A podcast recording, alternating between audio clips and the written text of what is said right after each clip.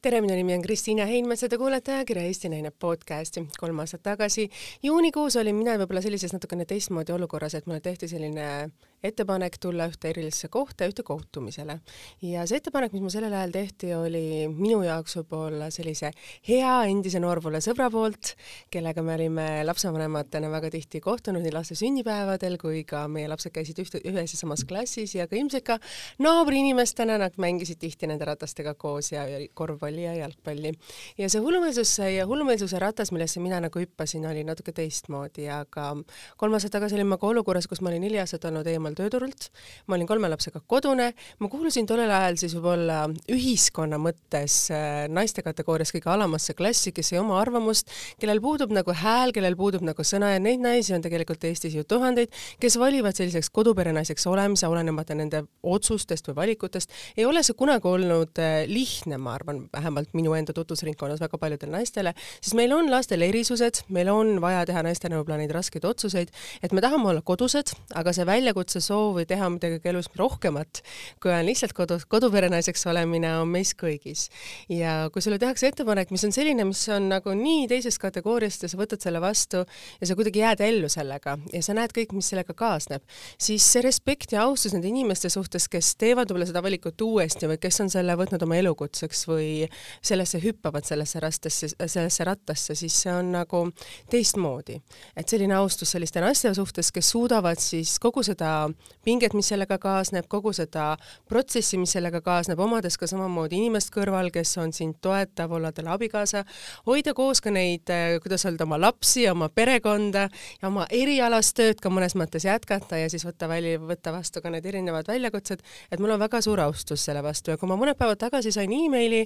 kes on siis täna meil stuudios oleva naise siis assistent või esindaja. Ja siis ta kirjutas seal, et see naine sooviks stuudiosse tulla. Ja mina samamoodi, olles täna nüüd ajakirjaniku positsioonis, et teades, kui keeruline on läheneda teatud protsessides ajakirjanikele, kuidas nad sulle selja kääravad ja käe, käe ette panevad, siis ma mõtlesin seda, aga see on ju see, miks ma hakkasin seda podcast'i tegelikult äh, oktoobrikuus tegema, et olenemata, mida me naistena teeme, olenemata, millises eluetapis me oleme, kas me oleme koduperenaised või me oleme ainult karjäärile suunatud või me proovime kuidagi ennast äh, sisemiselt tasakaalu saada, siis toetus meil naistena üksteise vastu peaks olema rohkem. see peaks olema ühiskonnas rohkem aktsepteeritav ja me peaksime julgema seda rohkem välja öelda, me peaksime rohkem omama häält ja seda tehes koos, sest ainult üks hääl, kuidas öelda, kõrbes läheb kaduma, aga me teeme seda koos, kooris, võib-olla see jõuab kaugemale ja kõrgemale ja midagi ka meie Eesti ühiskonnas muutub, et see ei oleks nii meestekeskne, et see ei oleks nii meestele võib-olla suunatud ja mida aeg edasi, see muutub aina paremaks päev päeva haaval. nii et tere tulemast täna võib-olla sukeldunud sellisesse väga keerulisse ja kuidas öelda, väga raskesti naisena võib-olla hallatavasse protsessi. tere tulemast, Lavly Perling tere iga naine on lugu, on selle podcastis nagu sa, kuidas öelda siis pealkiri. iga naine, kes on siin stuudios, räägib oma loo siis vastavalt sellisest äh, erinevast valdkonnast, mis siis meil siia stuudiosse laua peale tuleb. ma kirjutan ette tavaliselt alati mõningad sellised märksõnad, aga ma tahan alati, et kõik see, mis, mille, milline see saade saab olema, toimub siin, praegu ja kohe. et kui sul oleks valida selline üks pealkiri, oma lugu, mis oleks see pealkiri, mida sina võib-olla tahaksid panna oma loole? Kõik on võimalik ja, ja ära kunagi lõpeta unistamist.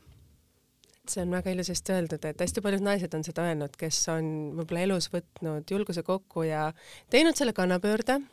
ja võib-olla teinud seda kannapöördet ka, kannapööret ka mitu korda ja suutnud, kuidas öelda, hakkama saada, et nad on öelnud, et võib-olla see kümme korda eksimine ja mutta kukkumine on olnud seda väärt, et ükskord sa õnnestud ma olen jah püüdnud samamoodi järgida elus ühte lihtsat motot, see on see, et äh, usu sellesse, mida teed ja tee seda, millesse usud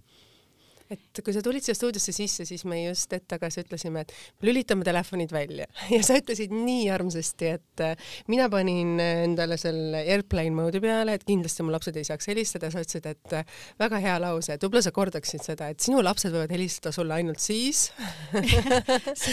ei jäta mind no kohe kindlasti emana head muljet, et, et ma, ma ju väga armastan oma lapsi ja, ja ma olen õnnelik, et minu abikaasa on minu elus minu parim sõber ja, ja nii edasi, aga see lause oli see, et on päevi, millal ma olen sunnitud oma lastele selgitama, et ma olen olemas, aga see telefonikõne, mida te väga teha tahate, saab olla viimane kõne enne hädaabikõnet, sellepärast et äh, nad teavad lihtsalt seda, et mõned päevad on, mõned päevad on sellised, mis on pöörased oma ajatempo mõttes ei, seda kindlasti, et ma sellepärast ju siin saates olemegi, et piiluda sinu selle, kuidas öelda, kardina taha, et näha, kes sa päriselt oled naisena ja kui keeruline või raske või kui lihtne on sul hakkama saada kõigi nende kohustustega, sest sa oled ikkagi kolme lapse ema ja sa oled suutnud, kuidas öelda, üles ehitada muljetavaldava karjääri, kuhu enam Eesti Vabariigis praktiliselt kuhugi, kuhu veel edasi, kui enam sinu valdkonnas ju see kõik, mida sa oled nagu seal saavutanud. et kuidas sul on nagu see protsess nagu käib sul, et sa suudad kõike seda nagu hallata, et, et see ei ole ju lihtne, kõrval vaadates on see mõnes mõttes nagu ulmeline hakkamasaamine. Eks me kõik tuleme kuskilt ja eks me kõik oleme, on see siis kuskil lapsepõlves või noorpõlves eh, midagi lubanud. Ja minu lubadus, mida ma kunagi võib-olla iseendale lubasin, oli,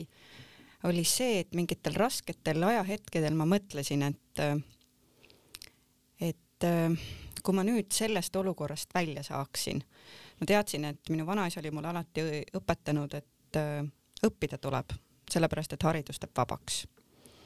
ja ta oli mind õpetanud äh, asju lõpetama, et see, mis on alustatud, see tuleb lõpetada, ta oli õpetanud, et asjad peavad korras olema ja nii edasi, nii edasi, ta oli suur inimene minu elus.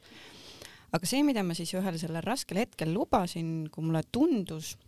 et see, kes mind praegu aidata saab, see võib kõlada kuidagi klišeelikult, aga, aga see oli minu oma riik ja ma tookord nagu mõtlesin, et kui ma nüüd saan sellelt oma riigilt abi, siis mm., siis ma mõnes mõttes nagu pühendan ka oma elu sellele, et et kõik need väikesed tüdrukud või poisid, kes, kes siin maamuna peal elavad, et nad saaksid sellesama osaliseks, mille osaliseks mina sain, et et mu ümber olid inimesed, olid eeskujud olid äh, võimalused kasvada, olla, õppida.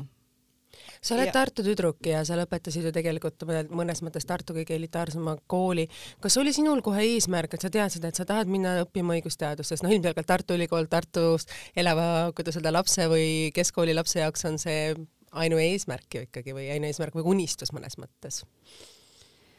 või oli see, või see oli juhuslik mina, valik? ei, õigusteadus ei olnud juhuslik valik, et äh, see on üks äh, lugu, mis räägib sellest, kui tähtsad on täiskasvanud inimesed mõnikord äh, ühel hetkel ühe lapse jaoks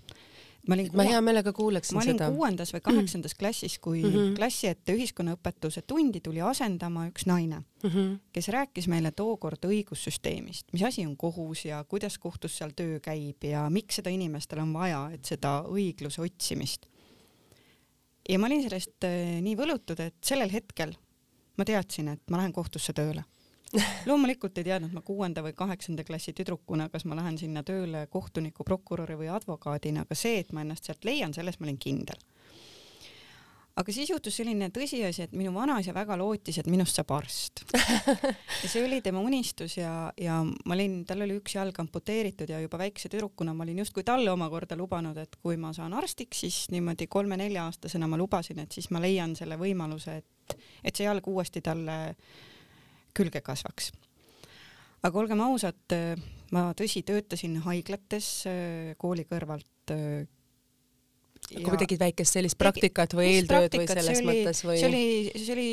see oli raske töö ja see raske töö oli see sanitar, oli see parasjagu selline äh, koristaja, hooldaja, kes seal oli, aga see oli töö ja see oli nagu see, mis mulle elu lõpuni jääb meelde ja paneb mind alati austama ükskõik mis tööd. ma ei luba oma lastel suhtuda kuidagi ja mitte kunagi ülevalolevalt ühtegi töösse, sest ma tean, kui raske see on aga, aga, aga need hetked jah, need hetked äh, tegelikult viisid mind selleni, et ma sain aru, et minust ei saa arsti.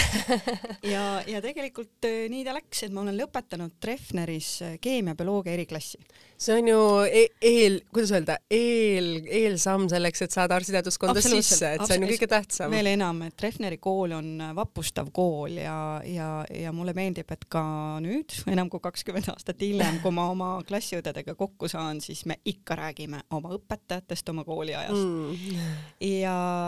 ja ma mäletan isegi oma bioloogiaõpetajat, kes mind veenis ikkagi minema ja õppima silmaarstiks, aga jonnakas olen ma alati olnud ja ma ikkagi järgisin seda, mida ma tahan teha. et äh, ma tahtsin minna õigusteadust õppima ja kuigi sinna oli tollel hetkel oluliselt raskem sisse saada, kui oleks olnud minul oma taustaga arstiteaduskonda, siis äh, ma järgisin seda ja ma olen õnnelik inimene, sellepärast et mul kuidagi vedas, sest ma sain selle elukutse, mis mulle meeldis, ma olen saanud äh, teha üle kahekümne aasta seda tööd, kus ma olen tundnud, et minust on abi ühiskonnale ja ma arvan, mis sa, mis sa, mis sa hing veel tahad, kui, kui, kui seda tunnet, et, et sa saad teisi aidata see on tegelikult äh, see, mida sa räägid, et teha noore tüdrukuna selline otsus, et sa jälgid oma sisetunnet, mitte sa ei tee võib-olla seda, mida sind oodatakse. et hästi paljud naised, kes on siin stuudios olnud, on, et nad on öelnud, et nad ei teinud võib-olla oma esimese katsena ülikooli õppima minnes võib-olla seda õiget valikut, sest nad tahtsid võib-olla, kuidas öelda, täita oma vanemate lootusi või täita ühiskonna lootusi ja teha seda, mis on nagu õige, aga mitte päris see, mida sa nagu ise nagu tahad, et see on nagu mõnes mõttes minu jaoks äh, väga suur austus selle vastu, et sa noore tüdrukuna juba tead, teadsid, et ma tahan seda ja ma lähen ja teen ja saan sellega nagu hakkama. aga ka see ilmselgelt, et need võib-olla suved, kui sa siis teised olid võib-olla rannas või äh, olid Anne kanalis ujumas, siis sina ju tegid tööd, et miks sa nagu selle valiku tegid, kas oli see, et sa tahtsid teada, mis on see arstiteaduskond või see oli see vajalik sul selleks, et saada oma taskuraha ja omada oma vabadust? see oli minu elu, see oli see elu, kuhu elu mind oli asetanud ja ma pidin seda tegema et ka ma tean, et mina käisin ka samamoodi keskkoolis äh, suvel ettekandjaks ja ma tean alati, et kui ma nüüd käin kuskil söömas, siis ma alati jätan väikse jootraha, sest ma tean, kui paljudele jaoks võib olla see jootraha või see, et nad teevad seda ettekandjatööd oma kooliõpingute kõrvalt või vahel on oluline. Absoluutselt. Ja need äh, raskused, äh, need, need, need raskused kas hommikul kella nelja-viiesed äh, Tartu külmad bussid või hommikul ainukesena avatud äh, Ponsiku baar Raekoja platsis Tartus ja, ja raha äh, sul Ponsiku jaoks ei ole, vaid ainult tee jaoks, et see teeb, see teeb tugevaks. ja see on pannud mind mõtlema just selle üle, et see ongi tänasel päeval ma arvan, minu elumissioon, et äh, punkt üks, näidatagi just nimelt igale väikesele või poisile, et kui sa õpid, kui sa töötad, kui sa unistad, siis on kõik võimalik. Eesti on super koht, kus sündida. sellepärast, et äh, kõigil on võimalik saavutada seda, mida ta, mida nad tahavad, tuleb ainult pingutada, tuleb ise pingutada. meil ei määra see, kuhu sa sünnid, kelle laps sa oled või, või, või miski muu sinu saatust, ainult ise saad sa oma saatust kujundada. et jah, ja, ja ja ma ja, ja, ja, ja nii ja nii ma mõtlen ja see kindlasti minu sellise põhitöö kõrval käib minuga alati kaasas, et et mitte nagu lihtsalt, ma ei ole kunagi sõnade inimene olnud, et mulle meeldib äh, mõnes mõttes see, et kui midagi lubad, siis tee ja kõigepealt tee ja siis räägi, et äh, et sellesama missiooni mõttes ma olen ka öelnud, et äh, mitte see, et ma lihtsalt räägin sellest, et see on mu missioon, vaid ma olengi pidanud oluliseks, kui on võimalik olnud, siis käia koolides rääkimas äh, ja minu sõnum just on noortele olnud see, et järgige oma seda südametunnet. et kui te tunnete, et äh, kes te tahate olla ühel päeval, siis minge seda teed ja ärge kalduge sealt kõrvale, vaid hoidke seda sihti silme ees, et sest ja. neid ahvatlusi on meil palju ja võib-olla valikuid, mida me kaotame sihi silme eest, võib olla ju tihti. aga sa hakkasid ju tegelikult väga noorena tööle juba ka kooli kõrvalt, sa olid aastal tuhat üheksasada üheksakümmend kuus, üheksakümmend seitse sa lõpetasid ülikooli, läksid sa juba prokuratuuri tööle et see on ju samamoodi mõnes mõttes väljakutse, et üldjuhul sa lõpetad ülikooli ära ja siis sa lähed, aga sa hakkasid ju siis äh, juba sellel kooli kõrvalt nagu tööle, et kas esimesed sellised tööpäevad ei olnud ehmatavad, et oli see ikka sul kinnituseks, et see on see koht, kus ma tahan olla, sest noh, prokuröri amet ei ole just kõige lihtsam. Juba minu tööle saamine oli üks tore lugu, sellepärast et et ma helistasin toona jah, prokuratuuri, mind kutsuti kohale ma kohtusin oma toonase ülemusega ja mille peale siis ülemus ütles, et, et ma võin homme tööle tulla. ma olin natukene üllatunud sellest äh, kiirest võimalusest ja, ja esimene, mida ma pidin talle siis selgitama, oli see, et, et mul on üks väike mure, et, et, et mul ei ole veel vanus täis, et tööle saada. kui vana sa olid siis? kakskümmend ai jah, kakskümmend üks vist on see vanusepiir, kus sinna. ja siis küsiti mm -hmm. mu käest, et millal sa siis saad ja ma arvan, et ma ütlesin kas kümme päeva või kaks nädalat või midagi seal mm -hmm. oli ja siis öeldi mulle, et vahet ei ole, et noh, tule tööle, noh, inimesi oli vaja, üheksakümnendate mm -hmm. keskpaigal oli inimesi vaja tööle mm. -hmm. aga, aga, aga noh, siis äh, teine kui ma sellest olin üle saanud, et öeldi, et tule ikka tööle, see oli tore, aga siis ma mõtlesin, et kuidas ma nüüd seda ütlen, et ma tulin äh, täna hommikul Tartust ja olen plaaninud õhtul Tartusse tagasi minna, et lisaks sellele, et mul ei ole vanust, et mul ei ole ka elukohta, kus Tallinnas elada. seda ma enam noore inimesena ei julgenud öelda ja nii ma siis sõitsin sellel õhtul Tartusse tagasi ja järgmisel hommikul uuesti tagasi Tallinnasse ja siis mul oli täpselt üks päev, et leida omale elukoht Tallinnas ja kuidagi kõigega selle toime tulla, aga. ja kus see elukoht sul oli Tallinnas? see siis? elukoht oli Tallinna bussijaama vastas Jakobi tänaval. see oli üks ahiküttega korter, mille kohta omakorda või mu sõbrad alati naeravad, et ma olin ikkagi pärit korterist ja minu jaoks ahju kütmine oli ikkagi korralik katsumus, mis tähendas seda, et eks see talv möödus mul suuresti külmas, sellepärast et ma teadsin, et siibrit ei tohi enne kinni panna, kui kõik on kustunud, aga ma jõudsin iga kord äh, koju lihtsalt nii väsinuna, et, et, et ma vajusin ainult voodisse selleks, et mõned tunnid magada ja siis minna jälle kas tööle või kooli või Tartusse, sellepärast et täpselt nii see elu kulges. kuidas sa seda suutsid jagada selles mõttes, et ikkagi viimase kursuse õpi üliõpilasena käia prokuratuuris ikkagi noh, ma, nagu ma sain aru, vist ikka täiskohaga tööle, et kuidas sa suutsid seda nagu jagada? ma arvan, aeg oli selline, me kõik tegime seda, et äh, see aja jagamine mind ei hirmutanud, pigem oli mul siiski esialgu aukartus selle ees, et äh, kas ma kõige sellega toime tulen. et kas ma olen ikkagi küps selleks, et hakata neid otsuseid vastu võtma, milleks, äh, mille, mida see töö tähendab aga, aga ma olen alati öelnud, et mul on vedanud inimestega minu ümber, mul on vedanud, mul on vedanud seal nende meeskondadega, oma kolleegidega ja, ja, ja mind võeti väga hästi omaks. ma arvan, et väga oluline on see, et minu toonased ülemused väga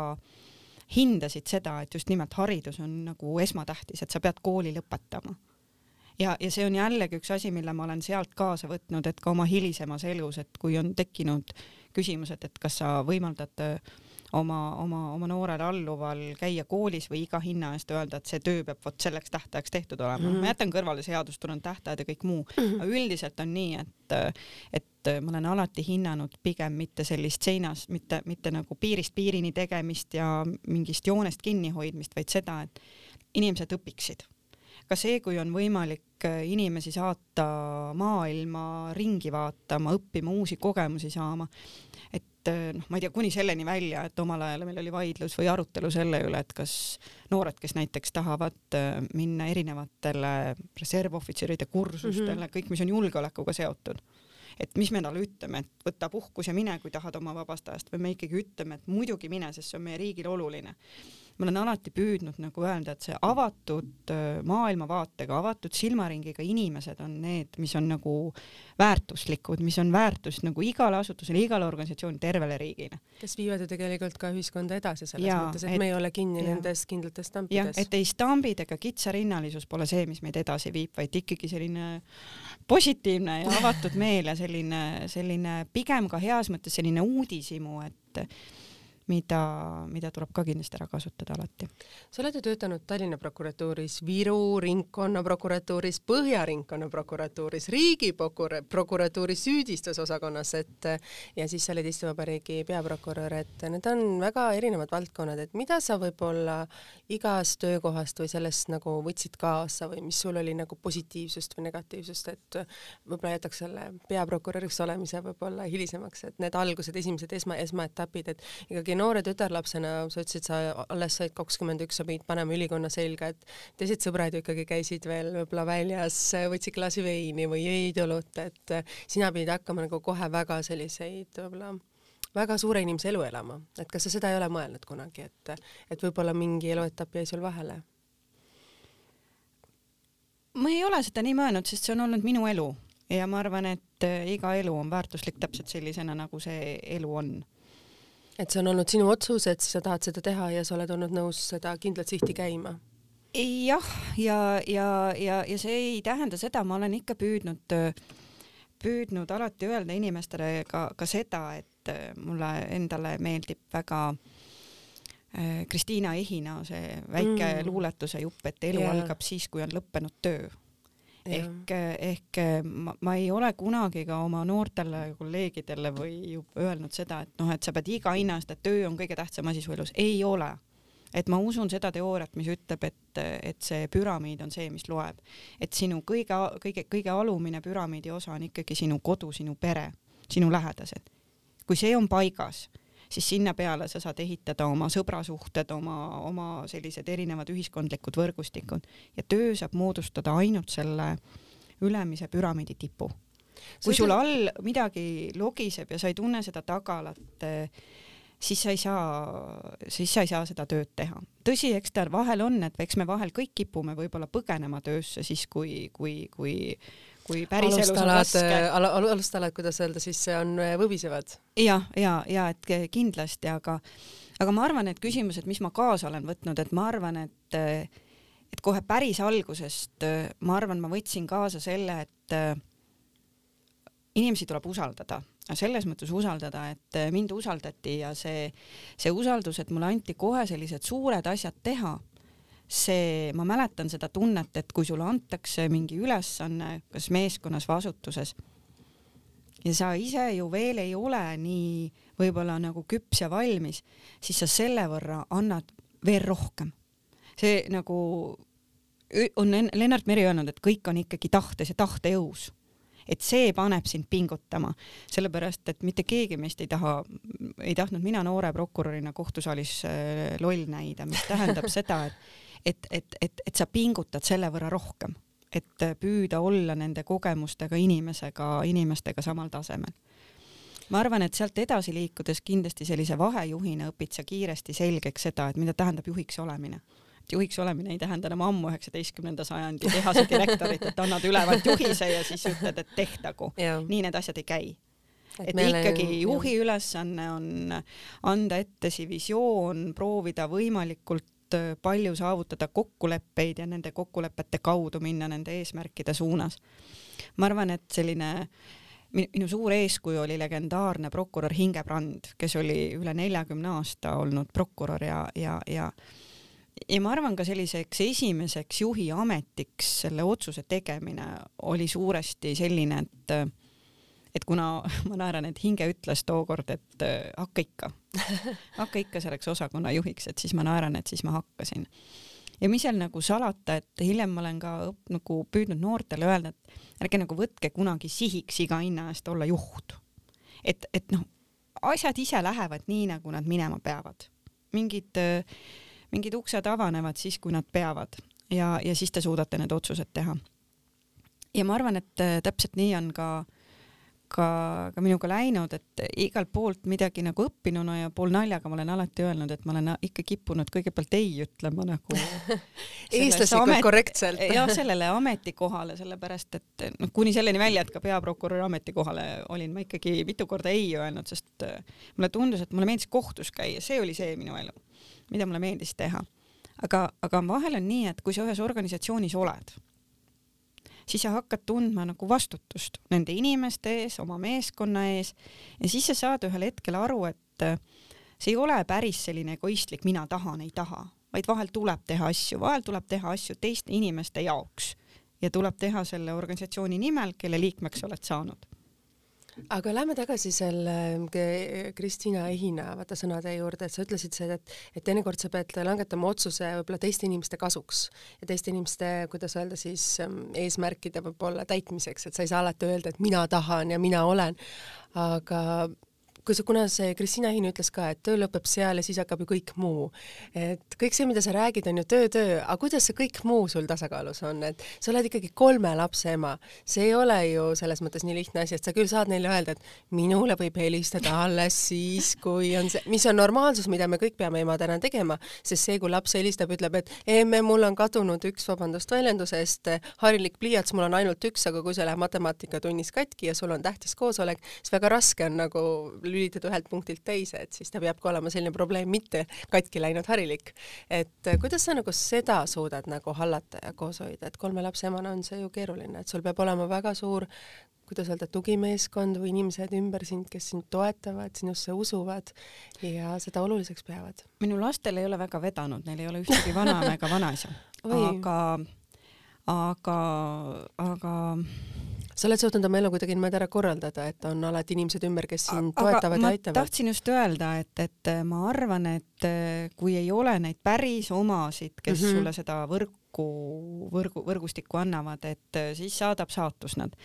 ja mis seal salata, et ma arvan, mul on ka lastega väga vedanud, et, et ja, ja nagu kõik tänaseski elus, et, et ega siis perekond ongi minu jaoks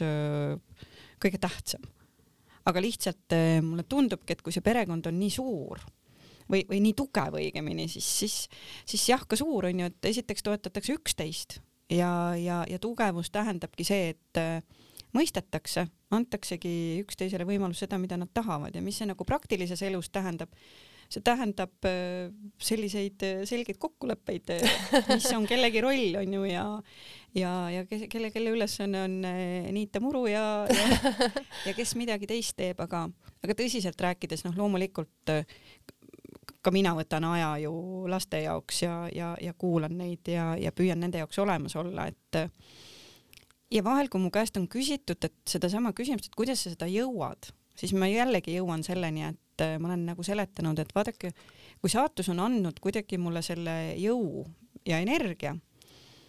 et, et ma jõuan oma laste kõrvalt panustada ka kõikidesse teistesse lastesse läbi selle ühiskonna paremaks muutmise tänases poliitikamaailmas, läbi selle riigi jõukuse ehitamise, millesse ma usun, milleks vot Isamaa võimeline on. et kui mul on see energia, siis ma, siis ma peangi seda andma nii see, nii, nii see ongi ja sealt, ja sealt tuleb ka tagasi, et, et ega ka minu lapsed annavad ju mulle jõudu juurde. kui vanad nad on, kas ma võin küsida? jaa, need vanused on kakskümmend kolm, kümme ja kaheksa. oi, sa oled ju tegelikult väga noor, kui sa said ju emaks ja see ei olnud kindlasti lihtne aeg praktiliselt ju üliõpilase,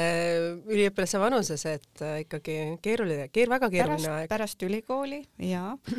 aga ma arvan, et eh, nagu me tänaseks naerame poisiga, et me mõlemad oleme tänulikud selle ees, et me oleme elusad ja terved ja jõudnud sinna, kus me oleme. ilmselt tollel ajastul oli see jääda ellu kõige-kõige tähtsam lause meil peas, et,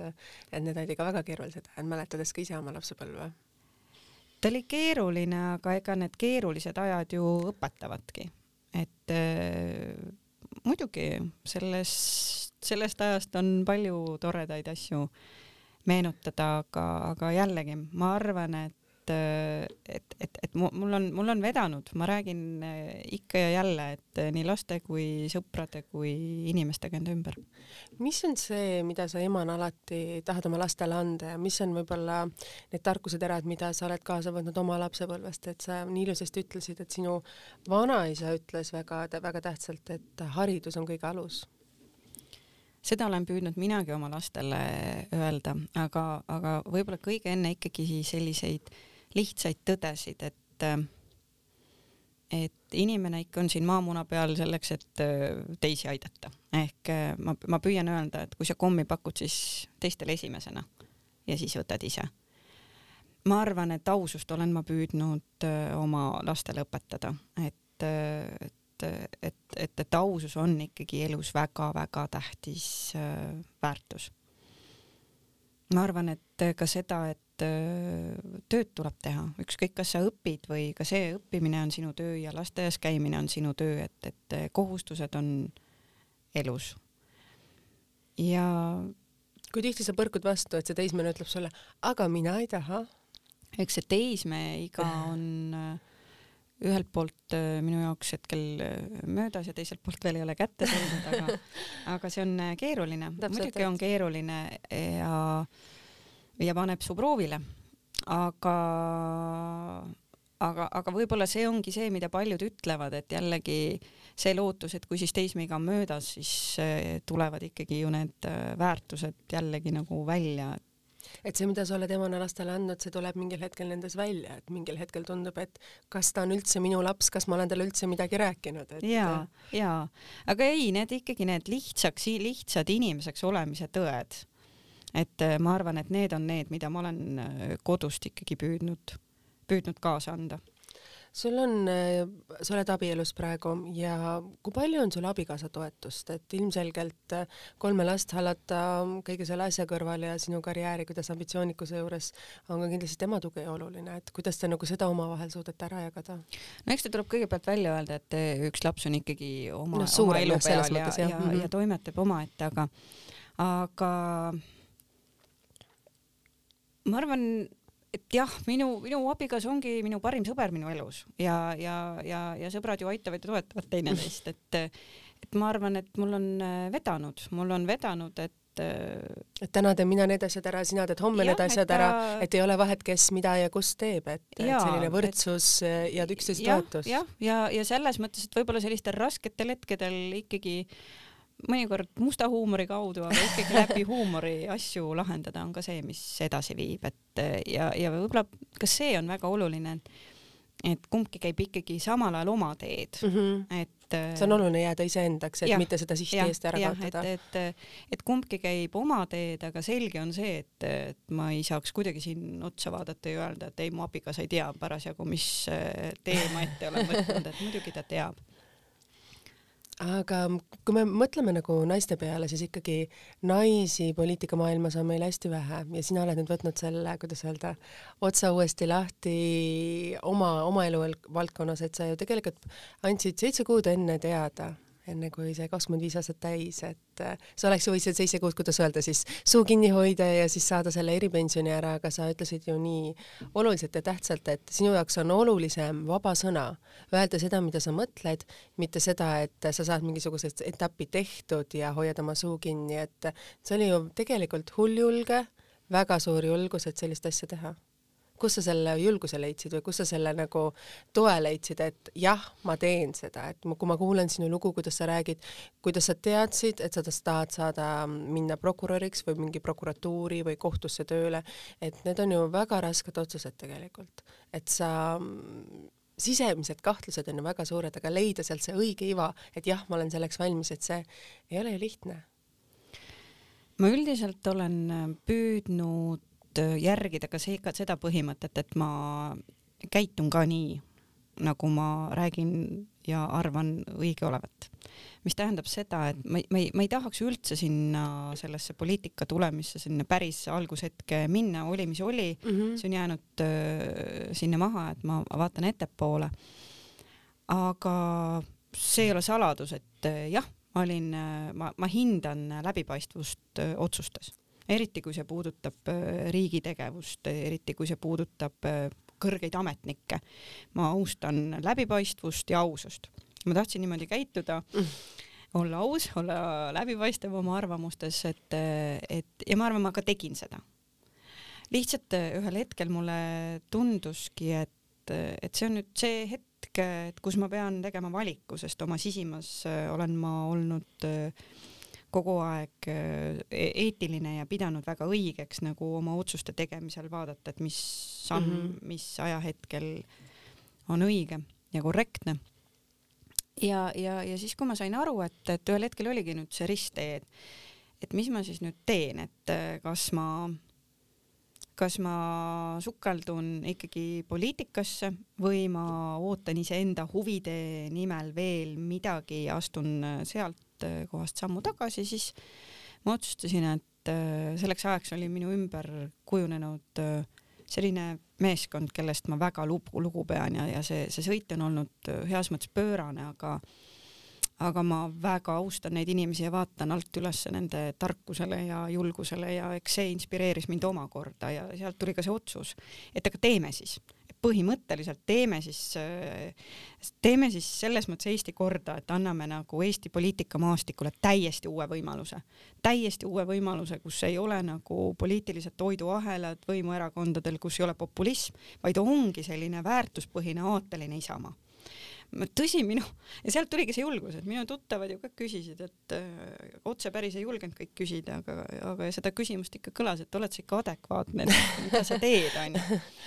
no, kuidas sina... sa sellesse ise suhtud, et kui su enda tuttavad kahtlevad sinu otsustes, ütlevad, kas sa oled adekvaatne, et kas see nagu ei tundus nii oleks nagu natuke imelik, et kui see on minu otsus, ma tahan seda teha, et miks sina pead selles kahtlema, et see ei ole ju tegelikult sinu õigus või sinu otsus selles kahelda. aga mina arvan, et minu sõbrad, kes selliseid küsimusi küsivad, teevad seda alati läbi huumoriprisma ja, ja mõnes mõttes, et need ja noh, ringiga võib-olla need esitatud küsimused, kellest päriselt see küsimus oli, et kas ta nüüd ikka teab päris täpselt, mis ta teeb, et et ei ole võib-olla natukene liiga hulluks läinud. just, just, et eh, kuidas ma sellesse suhtun, et eh, ma ise usun sellesse ka, et igal inimesel ongi õigus oma arvamusele ja ma usun sellesse lihtsasse asja, et ei ole mõtet kohe sukelduda vaidlustesse, et ma usun neid psühholooge, kes ütlevad, et diskussiooni esimene aste on aktsepteerida teist osapoolt. et see tähendab, et, et, et sa kõigepealt võtad rahulikult, et noh, ka temal ongi teine arvamus ja see, see on okei okay. ja ma ei pea nagu, ja see ei pea ühtima mm -hmm. minu arvamusega. ja nii ma arvan ja sellepärast ma arvan näiteks ükskõik kas inimesena, kas äh, juhina, täna poliitikuna ma, ma usungi arvamuste paljususe sellist headust ja seda, et see viib edasi arengus, ma arvan, ka perekonnas viib see edasi, et me ei pea kogu aeg ja kõigest ühtemoodi arvama. Ja pigem on, on, on väärtus selles keskkonnas kus me julgeme rääkida ja olla vabad. ja, ja nii ma suhtungi, et ma arvan, et et mul on, mul on ka sõpradega elus vedanud, sellepärast et minu sõbrad on olnud minu kõrval täpselt sõltumata sellest, kes ja kus ma olnud olen ja, ja ma tean, et need on need sõbrad, et nad on olemas minu kõrval headel päevadel ja halbadel päevadel. sa hetk tagasi siia ruumi sisse tulesid, tulles sa mainisid, et, et sul on grupp sõbrannasid, kellega te käite alati aeg-ajalt koos siis koolikaaslastega, et mis on need nagu hetked või need sõnad alati, mis teid nagu ühildab või kust te alati kokku saate või mis on nagu seda omavaheline nagu see sünergia, et mul on endal samamoodi sõbrannad, kes on Tartus, kes läksid arstiteaduskonda õppima, muud varianti pole, aga me ei näe teinekord kaks-kolm aastat, aga me kokku saame, issand jumal, me alles eile nägime mu sõbrad praegu kuulevad seda saadet ja siis nad mõtlevad, et no mida ta nüüd räägib, millal me viimati kohtusime. no täpselt, aga see ikkagi see aga..., see side, mida sa loo, lood oma sõpradena lapsena, see on midagi, mis jääb kestma, isegi kui see inimene ei ole su kõrval ja seda ta ei näe, siis midagi see, see ühil, ühil, ühildusus või mingi see, mis on tekkinud, see ühisosa, et see ei kao mitte kunagi. ei, see ei kao ja, ja ma saangi öelda, et ma arvan, et üks minu sõbranna on minu sõbranna sisuliselt sünnist saadik, sünnist saadik, sellepärast et äh, nii tore, kui see ka lugu ei ole, et meie vanaemad olid pinginaabrid et äh, või et, et minu sõbrannad täpselt, kellega ma olen kuskilt äh, keskkoolist või siis gümnaasiumi ajast tulnud või, või ülikooli ajast, et äh, ma arvan, et see ongi sõpruse tunnus, et see ongi sõpruse tunnus, et võivadki vahele jääda aastad, aga kui sa kokku saad, siis see tunne on sama et see alles see tunne, oli eile. alles oli eile ja, ja siis me vahel vaatame, et äh, lapsed kasvavad meie kõrval, aga, aga, aga võib-olla kui ka esimesed viis minutit on, kui kaua pole näinud, et äh, otsid seda tunnet, aga see tunne tuleb kiiresti tagasi ja see on mõnus tunne ja, ja sõbrad ongi ju need, et kellega sa, kellega sa istud ja sa räägid ja sa oled sina ise, sellepärast et et äh, sa ei pea teesklema mitte kunagi midagi, olenemata, mida sa oma elus teed või kus sa elus etapis sa oled, nad on alati olemas. Nad on jaoks. alati olemas ja nad aktsepteerivad sinu valikuid, et äh, ja sina aktsepteerid äh, nende arvamusi ja, ja see, see teebki sõpradest sõbrad ja tegelikult on ju ka lapsed üks osa ainult meie elust ja mingil hetkel sa pead emana ju nendest lahti laskma, sa oled juba korra võib-olla selle üle elanud, et su kahekümne aastast, kahekümne kolme aastane poiss on juba nüüd eraldi ja see hetk, kui sa saad aru, et ta ei taha enam nii sinu juures olla, vaid tal on sõbrad on olulisemad ja muud asjad on olulised, et ka see on mõnes mõttes ju raske üle elada, et siis ongi need sõbrad, lapsepõlvest ja koolist on, muutuvad veel tähtsamaks äh, tagasi uuesti su elus ju. ja kuigi mina kipun kindlasti sõbrana ikkagi olema see, et kui mul on võimalik valida sõbrannade ja pere vahel, siis ma valin pere. et äh, ja, ja ja samas ma arvan, et mu sõbrad teavad seda ja ka see on asi, mida nad äh, aktsepteerivad, sest reaalsus on see, et olles valinud sellised tööd, mida ma olen valinud, sellise tempo, mida ma olen valinud siis ma tean, et see valik, et kas perekond või sõbrad, see, see minu enda silmis, minu jaoks peab olema perekond. kui tähtis sulle perekond siis on, sa ütled, et kui sul on valida sõprade pere vahel, et siis sa valid alati pere, et mis, mis on need asjad, mida sa tunned ise, et sa oled nõus või oled teinud selle nimel, et sul oleks pere, millest sa oled võib-olla ise pidanud nagu loobuma või? Või on, või sul ei ole või sa oled pigem alati mõelnud, et sa Ma arvan, püüad neid kõike tasakaalus hoida ma, kuidagi? ma püüan, ma, ma tõesti püüan seda tasakaalus hoida ja ma tean, et ega see ei, ju ei kuku mõnikord hästi välja. kukku alati välja ja aga, aga see ei tähendaks seda, et ma ei püüa, et, et see, need, nende, ma ikka püüan võtta need hetked laste jaoks ja, ja ma ikka püüan nende jaoks olemas olla. Ja, ja kuigi vahel on pöörane tempo, siis ma pärast seda püüan leida selle hetke, et aga nüüd ma võtan ikkagi selle aja. Ja, ja jällegi ma usun, et, et kui me küll alustasime telefoni naljast, et siis ma, siis ma ikkagi ju, ju tean, et enamus päevi on need, kus, kus ma teangi, et ma tahan, et mu lapsed teaksid, et ma olen nende jaoks alati olemas. et ma olen nende jaoks alati olemas ja nad on ikkagi kõige kallimad inimesed mu elus. ja et ükskõik, mis, mis ka jama on, et, et neil on alati nagu see julgus ja teadmine, et kodu on see koht, kust, kust saab alati abi ja toetust. kodu on kindlus, on jah. meie kõigi, kuidas öelda siis, pühamu, kus, kus just, on alati hea olla. just ja eks see, eks see tähendabki neid äh, lihtsaid asju, et äh, et mis on võib-olla mõned teie traditsioonid, mis on teie kõigi jaoks hästi olulised, et tegelikult kui sa üks, üks, üks osa on see, kus sa sünnid ja teine osa on see, mida sa ise lood, et mis on need traditsioonid, mida oled sa nagu võib-olla ise alati tahtnud ja pidanud nagu olulisteks või mingisugused tähtpäevad või mis teil on nagu eriliselt? ma püüan ikka jõule ja, ja näiteks pidada koos võimalikult palju oma, oma õdede ja vennaperedega, et omakorda minu vanaemal on nüüd üksteist lapselapse oi, siis on ju väga suur pere. et, et, et, et see on nagu minu jaoks väärtust, et lapsed oleks üksteisel olemas, et nad tunneksid, et nad ei kaotaks seda sidet, sest see on suur väärtus, kui sul on palju tädipoegi ja onutütreid. et sul on suur pere, on suur väärtus ja ja oma, oma, oma lastele ma olen äh, ikka püüdnud äh, seda kodu ehitada, selles mõttes kodu ehitada, et, et kodu oleks nagu hea ja soe koht, kus olla, et äh, vahel ma olen muianud, et, et, et tea, ei teagi, et praegusel ajal on seda raske rääkida, sest praegu tõesti on olnud tempo nii pöörane, et pole selleks äh, aega olnud, aga et, et ma naeran, et vahel, kui ma kooki küpsetan, siis ma mõtlen kas selle koogi enda pärast või selle lõhna pärast, mis annab kodulõhna kodu ko,, kodule, kui sa seda kooki küpsetad või, või äsja pestud, kuidas öelda, pesumasinast välja tulnud pesulõhn. jah, või et, või et, et, et, et see, see leib, et vahel mõtled, et see juuretis on sul külmikus nagu üks äh, lisalaps juures, et sa, sa pead seda leiba Jah. tegema, aga et kui sa selle leiva ahjust välja võtad, et siis siis see, et see pätt saab nagu kohe otsa seda paljast leiba, et siis sa mõtledki, et et, et, et kumb see nüüd siis väärtus on, et täpselt kas see leib kui selline või, või, või, või see tunne, see, ahjust leiva kodus. tulemise või see lõhn seal kodus. et äh, Sest ma need on- neid ja, ja noh, mis ma veel olen püüdnud võib-olla, ma arvan, et meie kodus on noh, kasvõi lihtsad asjad, et see, see hoolimise tähendus ka, ka alates teistest inimestest, loomadest, et meil on kass ja koer kodus, et, et, ka see mulle tundub, võiks olla midagi sellist, mis õpetab lapsi hoolima ja vastutama, vastutama, vastutama elusate, elusolendite või, või elu eest. kuidas see nagu õnnestub teil siis selles mõttes, et o, lapsed käivad ikka igal hommikul koeraga väljas jalutamas, et ei pea sina või abikaasa siis seda võtma või on ikkagi selline, täna ei ole minu kord, et on graafik tehtud, et see on ju omamoodi jälle. koer kipub ikka olema täitsa minu rida. äh, Et- ja hoiab vormis siis? Jaa, ta hoiab, et ma saan täitsa aru, miks brittidel on täiesti riiklik programm koerte pidamise kohta ja ja, ja, ja see ongi see, et ükskõik kui su raske aeg on, et Mhm. kui ikkagi vähegi elutempo võimaldab, et siis sa pead oma pikad tiirud jalutama ja see pikk tiir on vaimsele tervisele väga Jaa. hea, sellepärast et lisaks sellele, et sa lähed ja jalutad, et see on füüsise mõttes hea, on ta ka ikkagi alati vaimsele tervisele, et see ongi see hetk, et kus, kus ma lähen, et see on see minu aeg. Kui sa nüüd naisena oled siin uuesti selles mõttes, räägid sellest kodusoojusest ja asjast ja meil naistel on ju tegelikult nii palju erinevaid rolle, mida me peame siis kuidagi tasakaalus nüüd hoidma ja nüüd sa haarasid selle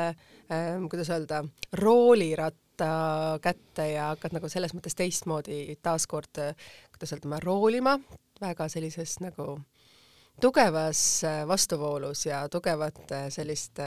hoovustega kõrvalt, mis siis lükkavad seda sinu paati nii ühes suunas kui teises suunas ja neid nooli ja augutegijaid on seal nii palju, et nende äratõrjumiseks äh, kulub ikka sul väga-väga suur osa energiast, et kuidas sa ennast nagu praegu tunned, et selles positsioonis? Et see on täpselt seesama otsus, nagu sa noorena tegid, ma lähen õpin seda, nagu nendes prokuröri ametites, ma ei tea, kas ma oskan, aga ma saan hakkama. kas see on nagu sama Levli, kes, Lavly, kes oli siis noorena, et ja nüüd ma teen ja ma saan hakkama ja need augu, augu, augu tegijatele ma valan tõrva pähe? tõrva ma ei vaja kellelegi pähe, et selles mõttes, et ma jah, ma, ma teen seda, millesse ma usun ja teen seda jälle ja ma arvan, et, et see ongi see, mida on vaja teha. ehk kui sulle tundub, et sa ei ole millegagi rahul kõrvalt vaadates ja sa tunned, et ma saan sinna panustada, ma saan anda, siis tuleb minna teha seda. ja mulle tundubki, et, et see jõud on olemas ja küsimus ei ole taaskord jälle minus, et, et küsimus on pigem nagu laiemalt selles meeskonnas, et et kui me täna vaatame nagu kasvõi seda Isamaa erakonda, et, et et need no see ei ole saladus, et, et ma tulin erakonda, mul ei olnud mitte pea luu seeski, et, et ma täna leian ennast selle esimehe kandidaadi positsioonilt. ma tulin, et anda oma need teadmised ja kogemused, aga see kuidagi läheb, sa räägid inimestega, inimesed hakkavad sulle otsa vaatama, küsivad, et aga usaldama, usaldama, et aga äkki sa võtaksid, äkki sa teeksid ise et ega mis seal salata, et ma mäletan ka seda esimest kohtumist, kus erakonna liikmed sellest juttu tegid, et, et Lavly, et kas sa nagu oleksid nüüd see, kes võtaks kätte selle ja prooviks siis nagu anda Isamaale uue hingamise. ma, ma tean, ma mäletan siiamaani seda vastust, ma ütlesin ei, ei, ei, et nagu ikka ei kõigepealt. vale arusaam, et, et, et mina see ei ole, aga, aga kui sa oled, hakkad hoolima, hakkad nägema, kui suur tähendus on selle jaoks nagu riigi jaoks, aga riik ei ole midagi eemal olevat. riik ongi meie inimesed, riik on meie lapsed, riik on meie lapselapsed. ja kui sa siis hakkad seda nagu tajuma, mõtlema, tunned enda ümber neid teisi meeskonnaliikmeid, saad aru, et nendega saaks nagu teha küll seda, seda oma riiki paremaks meie laste ja lastelaste jaoks, siis sa leiad ka selle jõu, paned plaani paika ja hakkad minema mis on sinu plaanis võib-olla seal kõige tähtsamal kohal, et sa oled ikkagi, Isamaas on suht vähe naisi, ta on olnud väga meestekeskne erakond, et viimastel Riigikogu valimistel oli seal ju kõige vähem naiskandidaate, kuidas öelda siis aga samas, millised et... naised meil jälle on, et kui mõelda Viktoria Ladõnskaja peale, siis ma arvan, et et äh,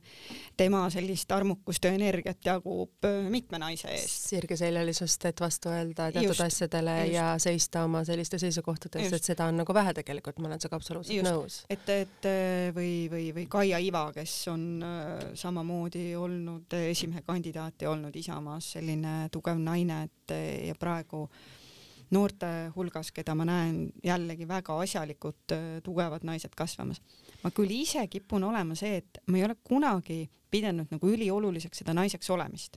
et mulle on meeldinud, et minu professionaalses elus loevad need väärtused, mis on olulised, et äh, see, mida ma teen, see, kuidas ma mõtlen, need teadmised, mis mul on ja see, et ma suudan ka selle ära teha, mida ma luban.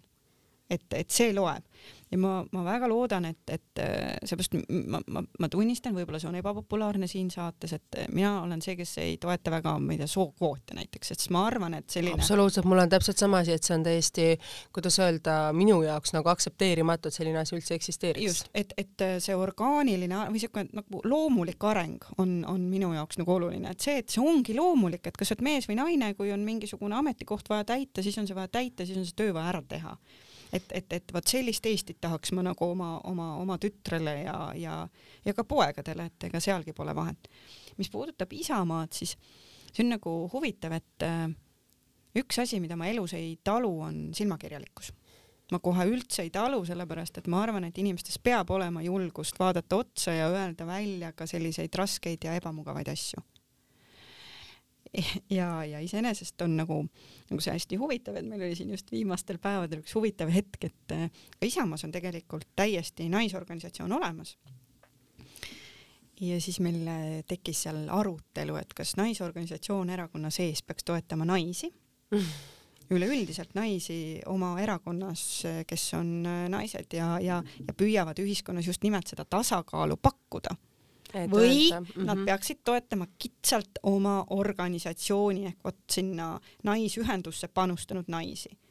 noh, siin ma jällegi tuleb, mina olen mina ja mina toetan avatud maailma ja sellist avatud suhtumist, et ja, ja, ja siis aga me... statistiliselt on tegelikult ju teada, et kui naine läheb valima, siis ta valib ikkagi endale mehe, et mees on justkui see kalju ja mees nagu saab hakkama, et ei, see naine võib olla küll tubli ja tark, aga teda me ei vali. et see on ju tegelikult statistiliselt ju tehtud kindlaks, et naine läheb, valib, valib mehe, mees läheb, valib mehe ja siis need ägedad naised, kes on seal ees, kes muudaks maailma, kes saaksid palju paremini hakkama kui need mehed ta ei jõua sinna järgmisele astmele, sest ennem seda juba tõmbavad naised taha, naised, teised naised ta sealt tagasi, sest ma ikkagi valin mehe. sest noh, siin ma nagu selles mõttes vaidleksin sinuga vastu, sulle vastu, et kui sa naisena ei lähe vali naist, siis äh, ükski mees üldiselt ei vali enam naist. just, seda ma nagu tahangi öelda, et, et, et, et meie arutelu tekkiski selle pinnalt, et mina nagu väitsingi, et noh, et kui juba on meil selline organisatsioon, siis võiks toetada kõiki naisi, kes seal organisatsioonis on, et äh, juba see on väärtus ühiskonnas aga, aga siis on vahel kurb, kui ikkagi kuskilt sealt sisemisest organisatsioonist veel lahterdatakse naised omavahel ära, vot siis tekib see naised mm -hmm. versus naised, et seda pole vaja mm. -hmm. ma arvan, mhm. et et see teeb jälle meid selliseks kuidagi nagu siukseks kitsarinnaliseks mu meelest. absoluutselt, ma saan aru, et see ongi tegelikult nagu väga suur dilemma, et kuidas siis on, et ma tahan valida seda poliitikut, ma lähen ta valin, aga siis me samas tõmbame kriipsu peale nendele äh, naiste võimalustele, et nad jõuaksid sinna edasi, et mees valib kindlasti meest, see on statistika, ja naine üldiselt mõtleb ka, mees on ikka see kalju, ma nüüd valin ka selle mehe, et tema ikka suudab poliitikas ära teha. kui me võtame ju näiteks noh, me nüüd lähme nüüd poliitiliseks EKRE, siis noh, väga paljud äh, just naised naised on nende, kuidas öelda, selliste tugevate meeste valijad, sest noh, nende jaoks on see nagu ideaalne inimene, ideaalne, kuidas öelda, meesterahvas siis selles mõttes, et Kalju, kes ütleb välja, mida ta mõtleb, et olenemata, milline see arvamus on eks see on selline ühiskonna arengu küsimus, et ma arvan, et mida rohkem me räägime nendel teemadel ja mida me rohkem ka näitame, et ega siis noh, see, see EKRE näide on nagu täpselt see, et no me päriselt ju ei tahaks kedagi sel-, sellist inimest enda kõrval, kes ma ei tea, räuskab ja karjub ja ajab inimesi omavahel tülli. Ehk, ehk ma arvan, et selles kontekstis on Isamaal suurepärane võimalus näidata, et siin meil on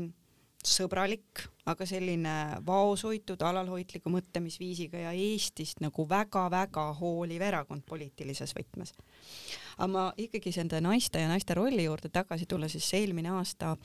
oli üks põnev Financial Timesi uuring, mis mm -hmm. näitas seda, et millised riigid on hakkama saanud paremini koroonaga.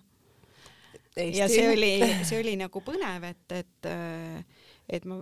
et, et seal ikkagi esimeste hulgas millegipärast olid riigid,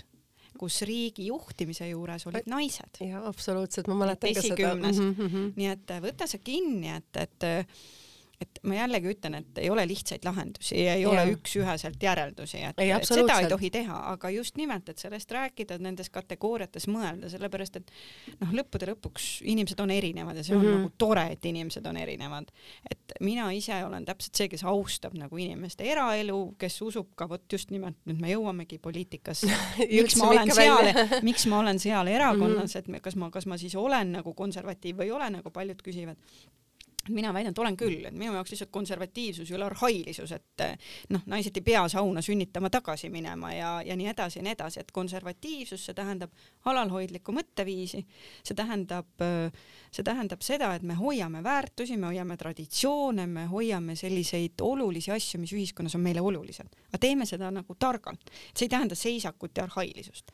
ja sellepärast ma arvan, et kõik, mis puudutab äh, ikkagi ja, ja ühiskond muutub, maailm muutub, meie muutume, et seda tuleb silmas pidada, et targad on need, kes julgevad äh, muutuda, aga mitte niimoodi pööraselt ja läbimõtlematult, vaid äh, ühiskondlikus äh, mõttes alalhoidlikult. mis on need olulised muutused, mida sina tunned ja sina tahaksid nagu siis ütleme, ma nüüd, nüüd ma läheb väga poliitiliseks küsimuseks, ma ei tahtnud seda küsida, aga kuidagi see arutelu meilt sinna viis, et et kui sa saad erakonna esimeheks, et mis on nagu need asjad olulised sinu jaoks, et mida sina tahaksid ära teha?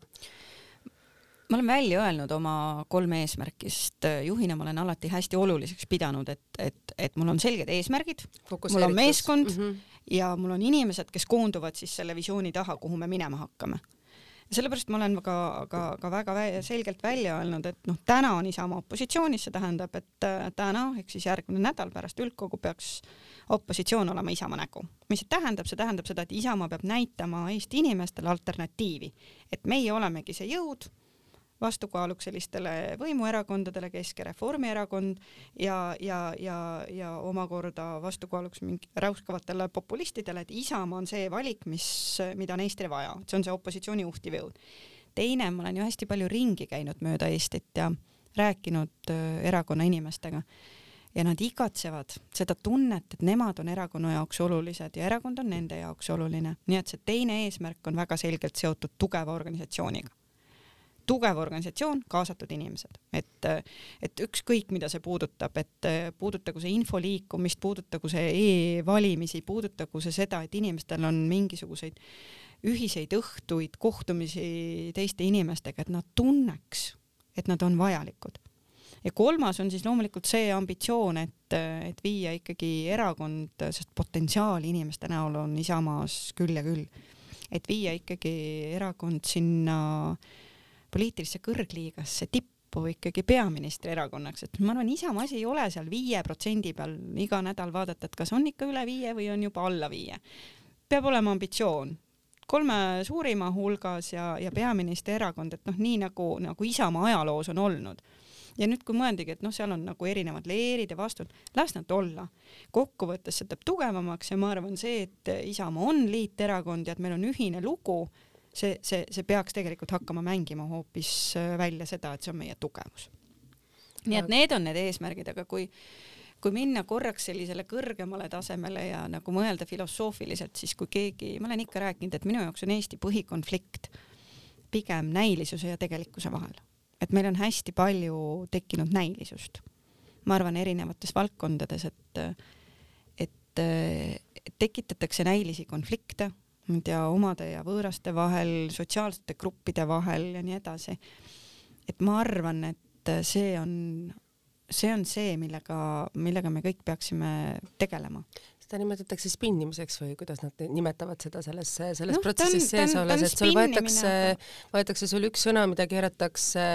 läbi nii mitme erineva prisma ja lõpuks see sinu eesmärk, mida sa tahtsid öelda, muudetakse ära selliseks, et kui sa seda kuulad, siis sa mõtled, et oi-oi, et midagi on väga valesti. et väga palju enne, kui sa suudad oma mõtted välja öelda, need, kuidas öelda tehakse pihuks ja põrmuks ja sinu mõtted keeratakse nii ümber ja presenteeritakse ära, et selles mõttes on ka meedial siin selline vahelüli roll, et oleneb, mis sõnum su, sinu sõnumitest läheb eetrisse, mis nagu tegelikult ei lähe ja kindlasti ta on mm., aga, aga ma jah, ja ma arvangi, et see näilisus on päris paljudes äh, valdkondades, et just nimelt, et noh, meedial kindlasti on seal oma roll aga et ühelt poolt see puudutab nagu ikkagi nagu laiemalt ühiskonda, et mitte, et kellegi peale näpuga näidata, et ma arvan, et poliitikud tegelevad päris palju selliste näiliste probleemidega, mitte tegelike probleemidega, mis inimesi kõnetaks ja inimesed saaks aru, et milleks üldse poliitikud. et, et noh, kasvõi see suhtumine, mis poliitikasse, poliitikutesse on, on ju leebelt öeldes halb.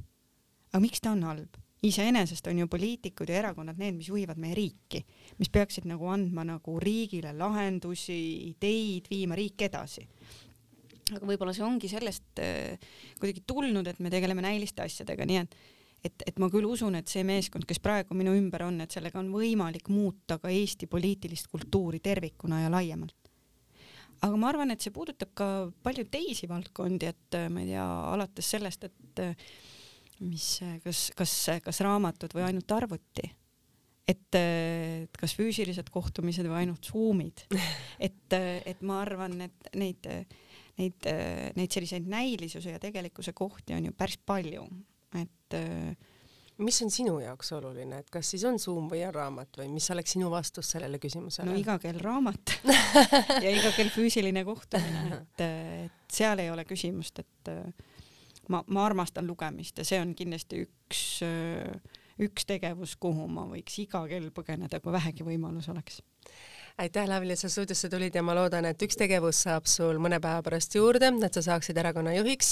et Isamaa saaks oma esimese, kuidas öelda siis, naisjuhi, kes juhiks siis seda teistmoodi. Ja nagu sa ütlesid, on sinu elu unistus äh, saada peaministriks, siis äh, nii sa mainisid, et Isamaast peab saama pea, peaministri erakond järelikult äh, sinust siis võib-olla ka järgmine peaminister, meil praegu on üks peaminister, võib-olla siis Lavly saab sinust järgmine peaminister. lihtsalt me siin filosofeerime, kuidas öelda, äh, paneme, seame kokku sõnu, äh, et lõpetada siis see saade ära, sest ambitsioonid peavad olema suured, utoopilised, mille peale teised inimesed naeravad, see siis alles võib-olla mõne protsendi sellest päris suurest unitusest me suudame alles täita. ja mida vähem me unistame, siis me ei jõua ka mitte kuskile. nii et veel kord suur aitäh sulle, Lavly, et sa leidsid aega siia saatesse tulla ja edu ja jaksu ja palju õnne, ma hoian sulle pöidlad. aitäh, suur aitäh aitäh sulle ja kallid kuulajad, teiega kohtume me juba nädala pärast, saade on saadaval nii Spotify's, tasku Delfi keskkonnas kui ka, kui ka SoundCloudist. aitäh ja kohtume nädala pärast.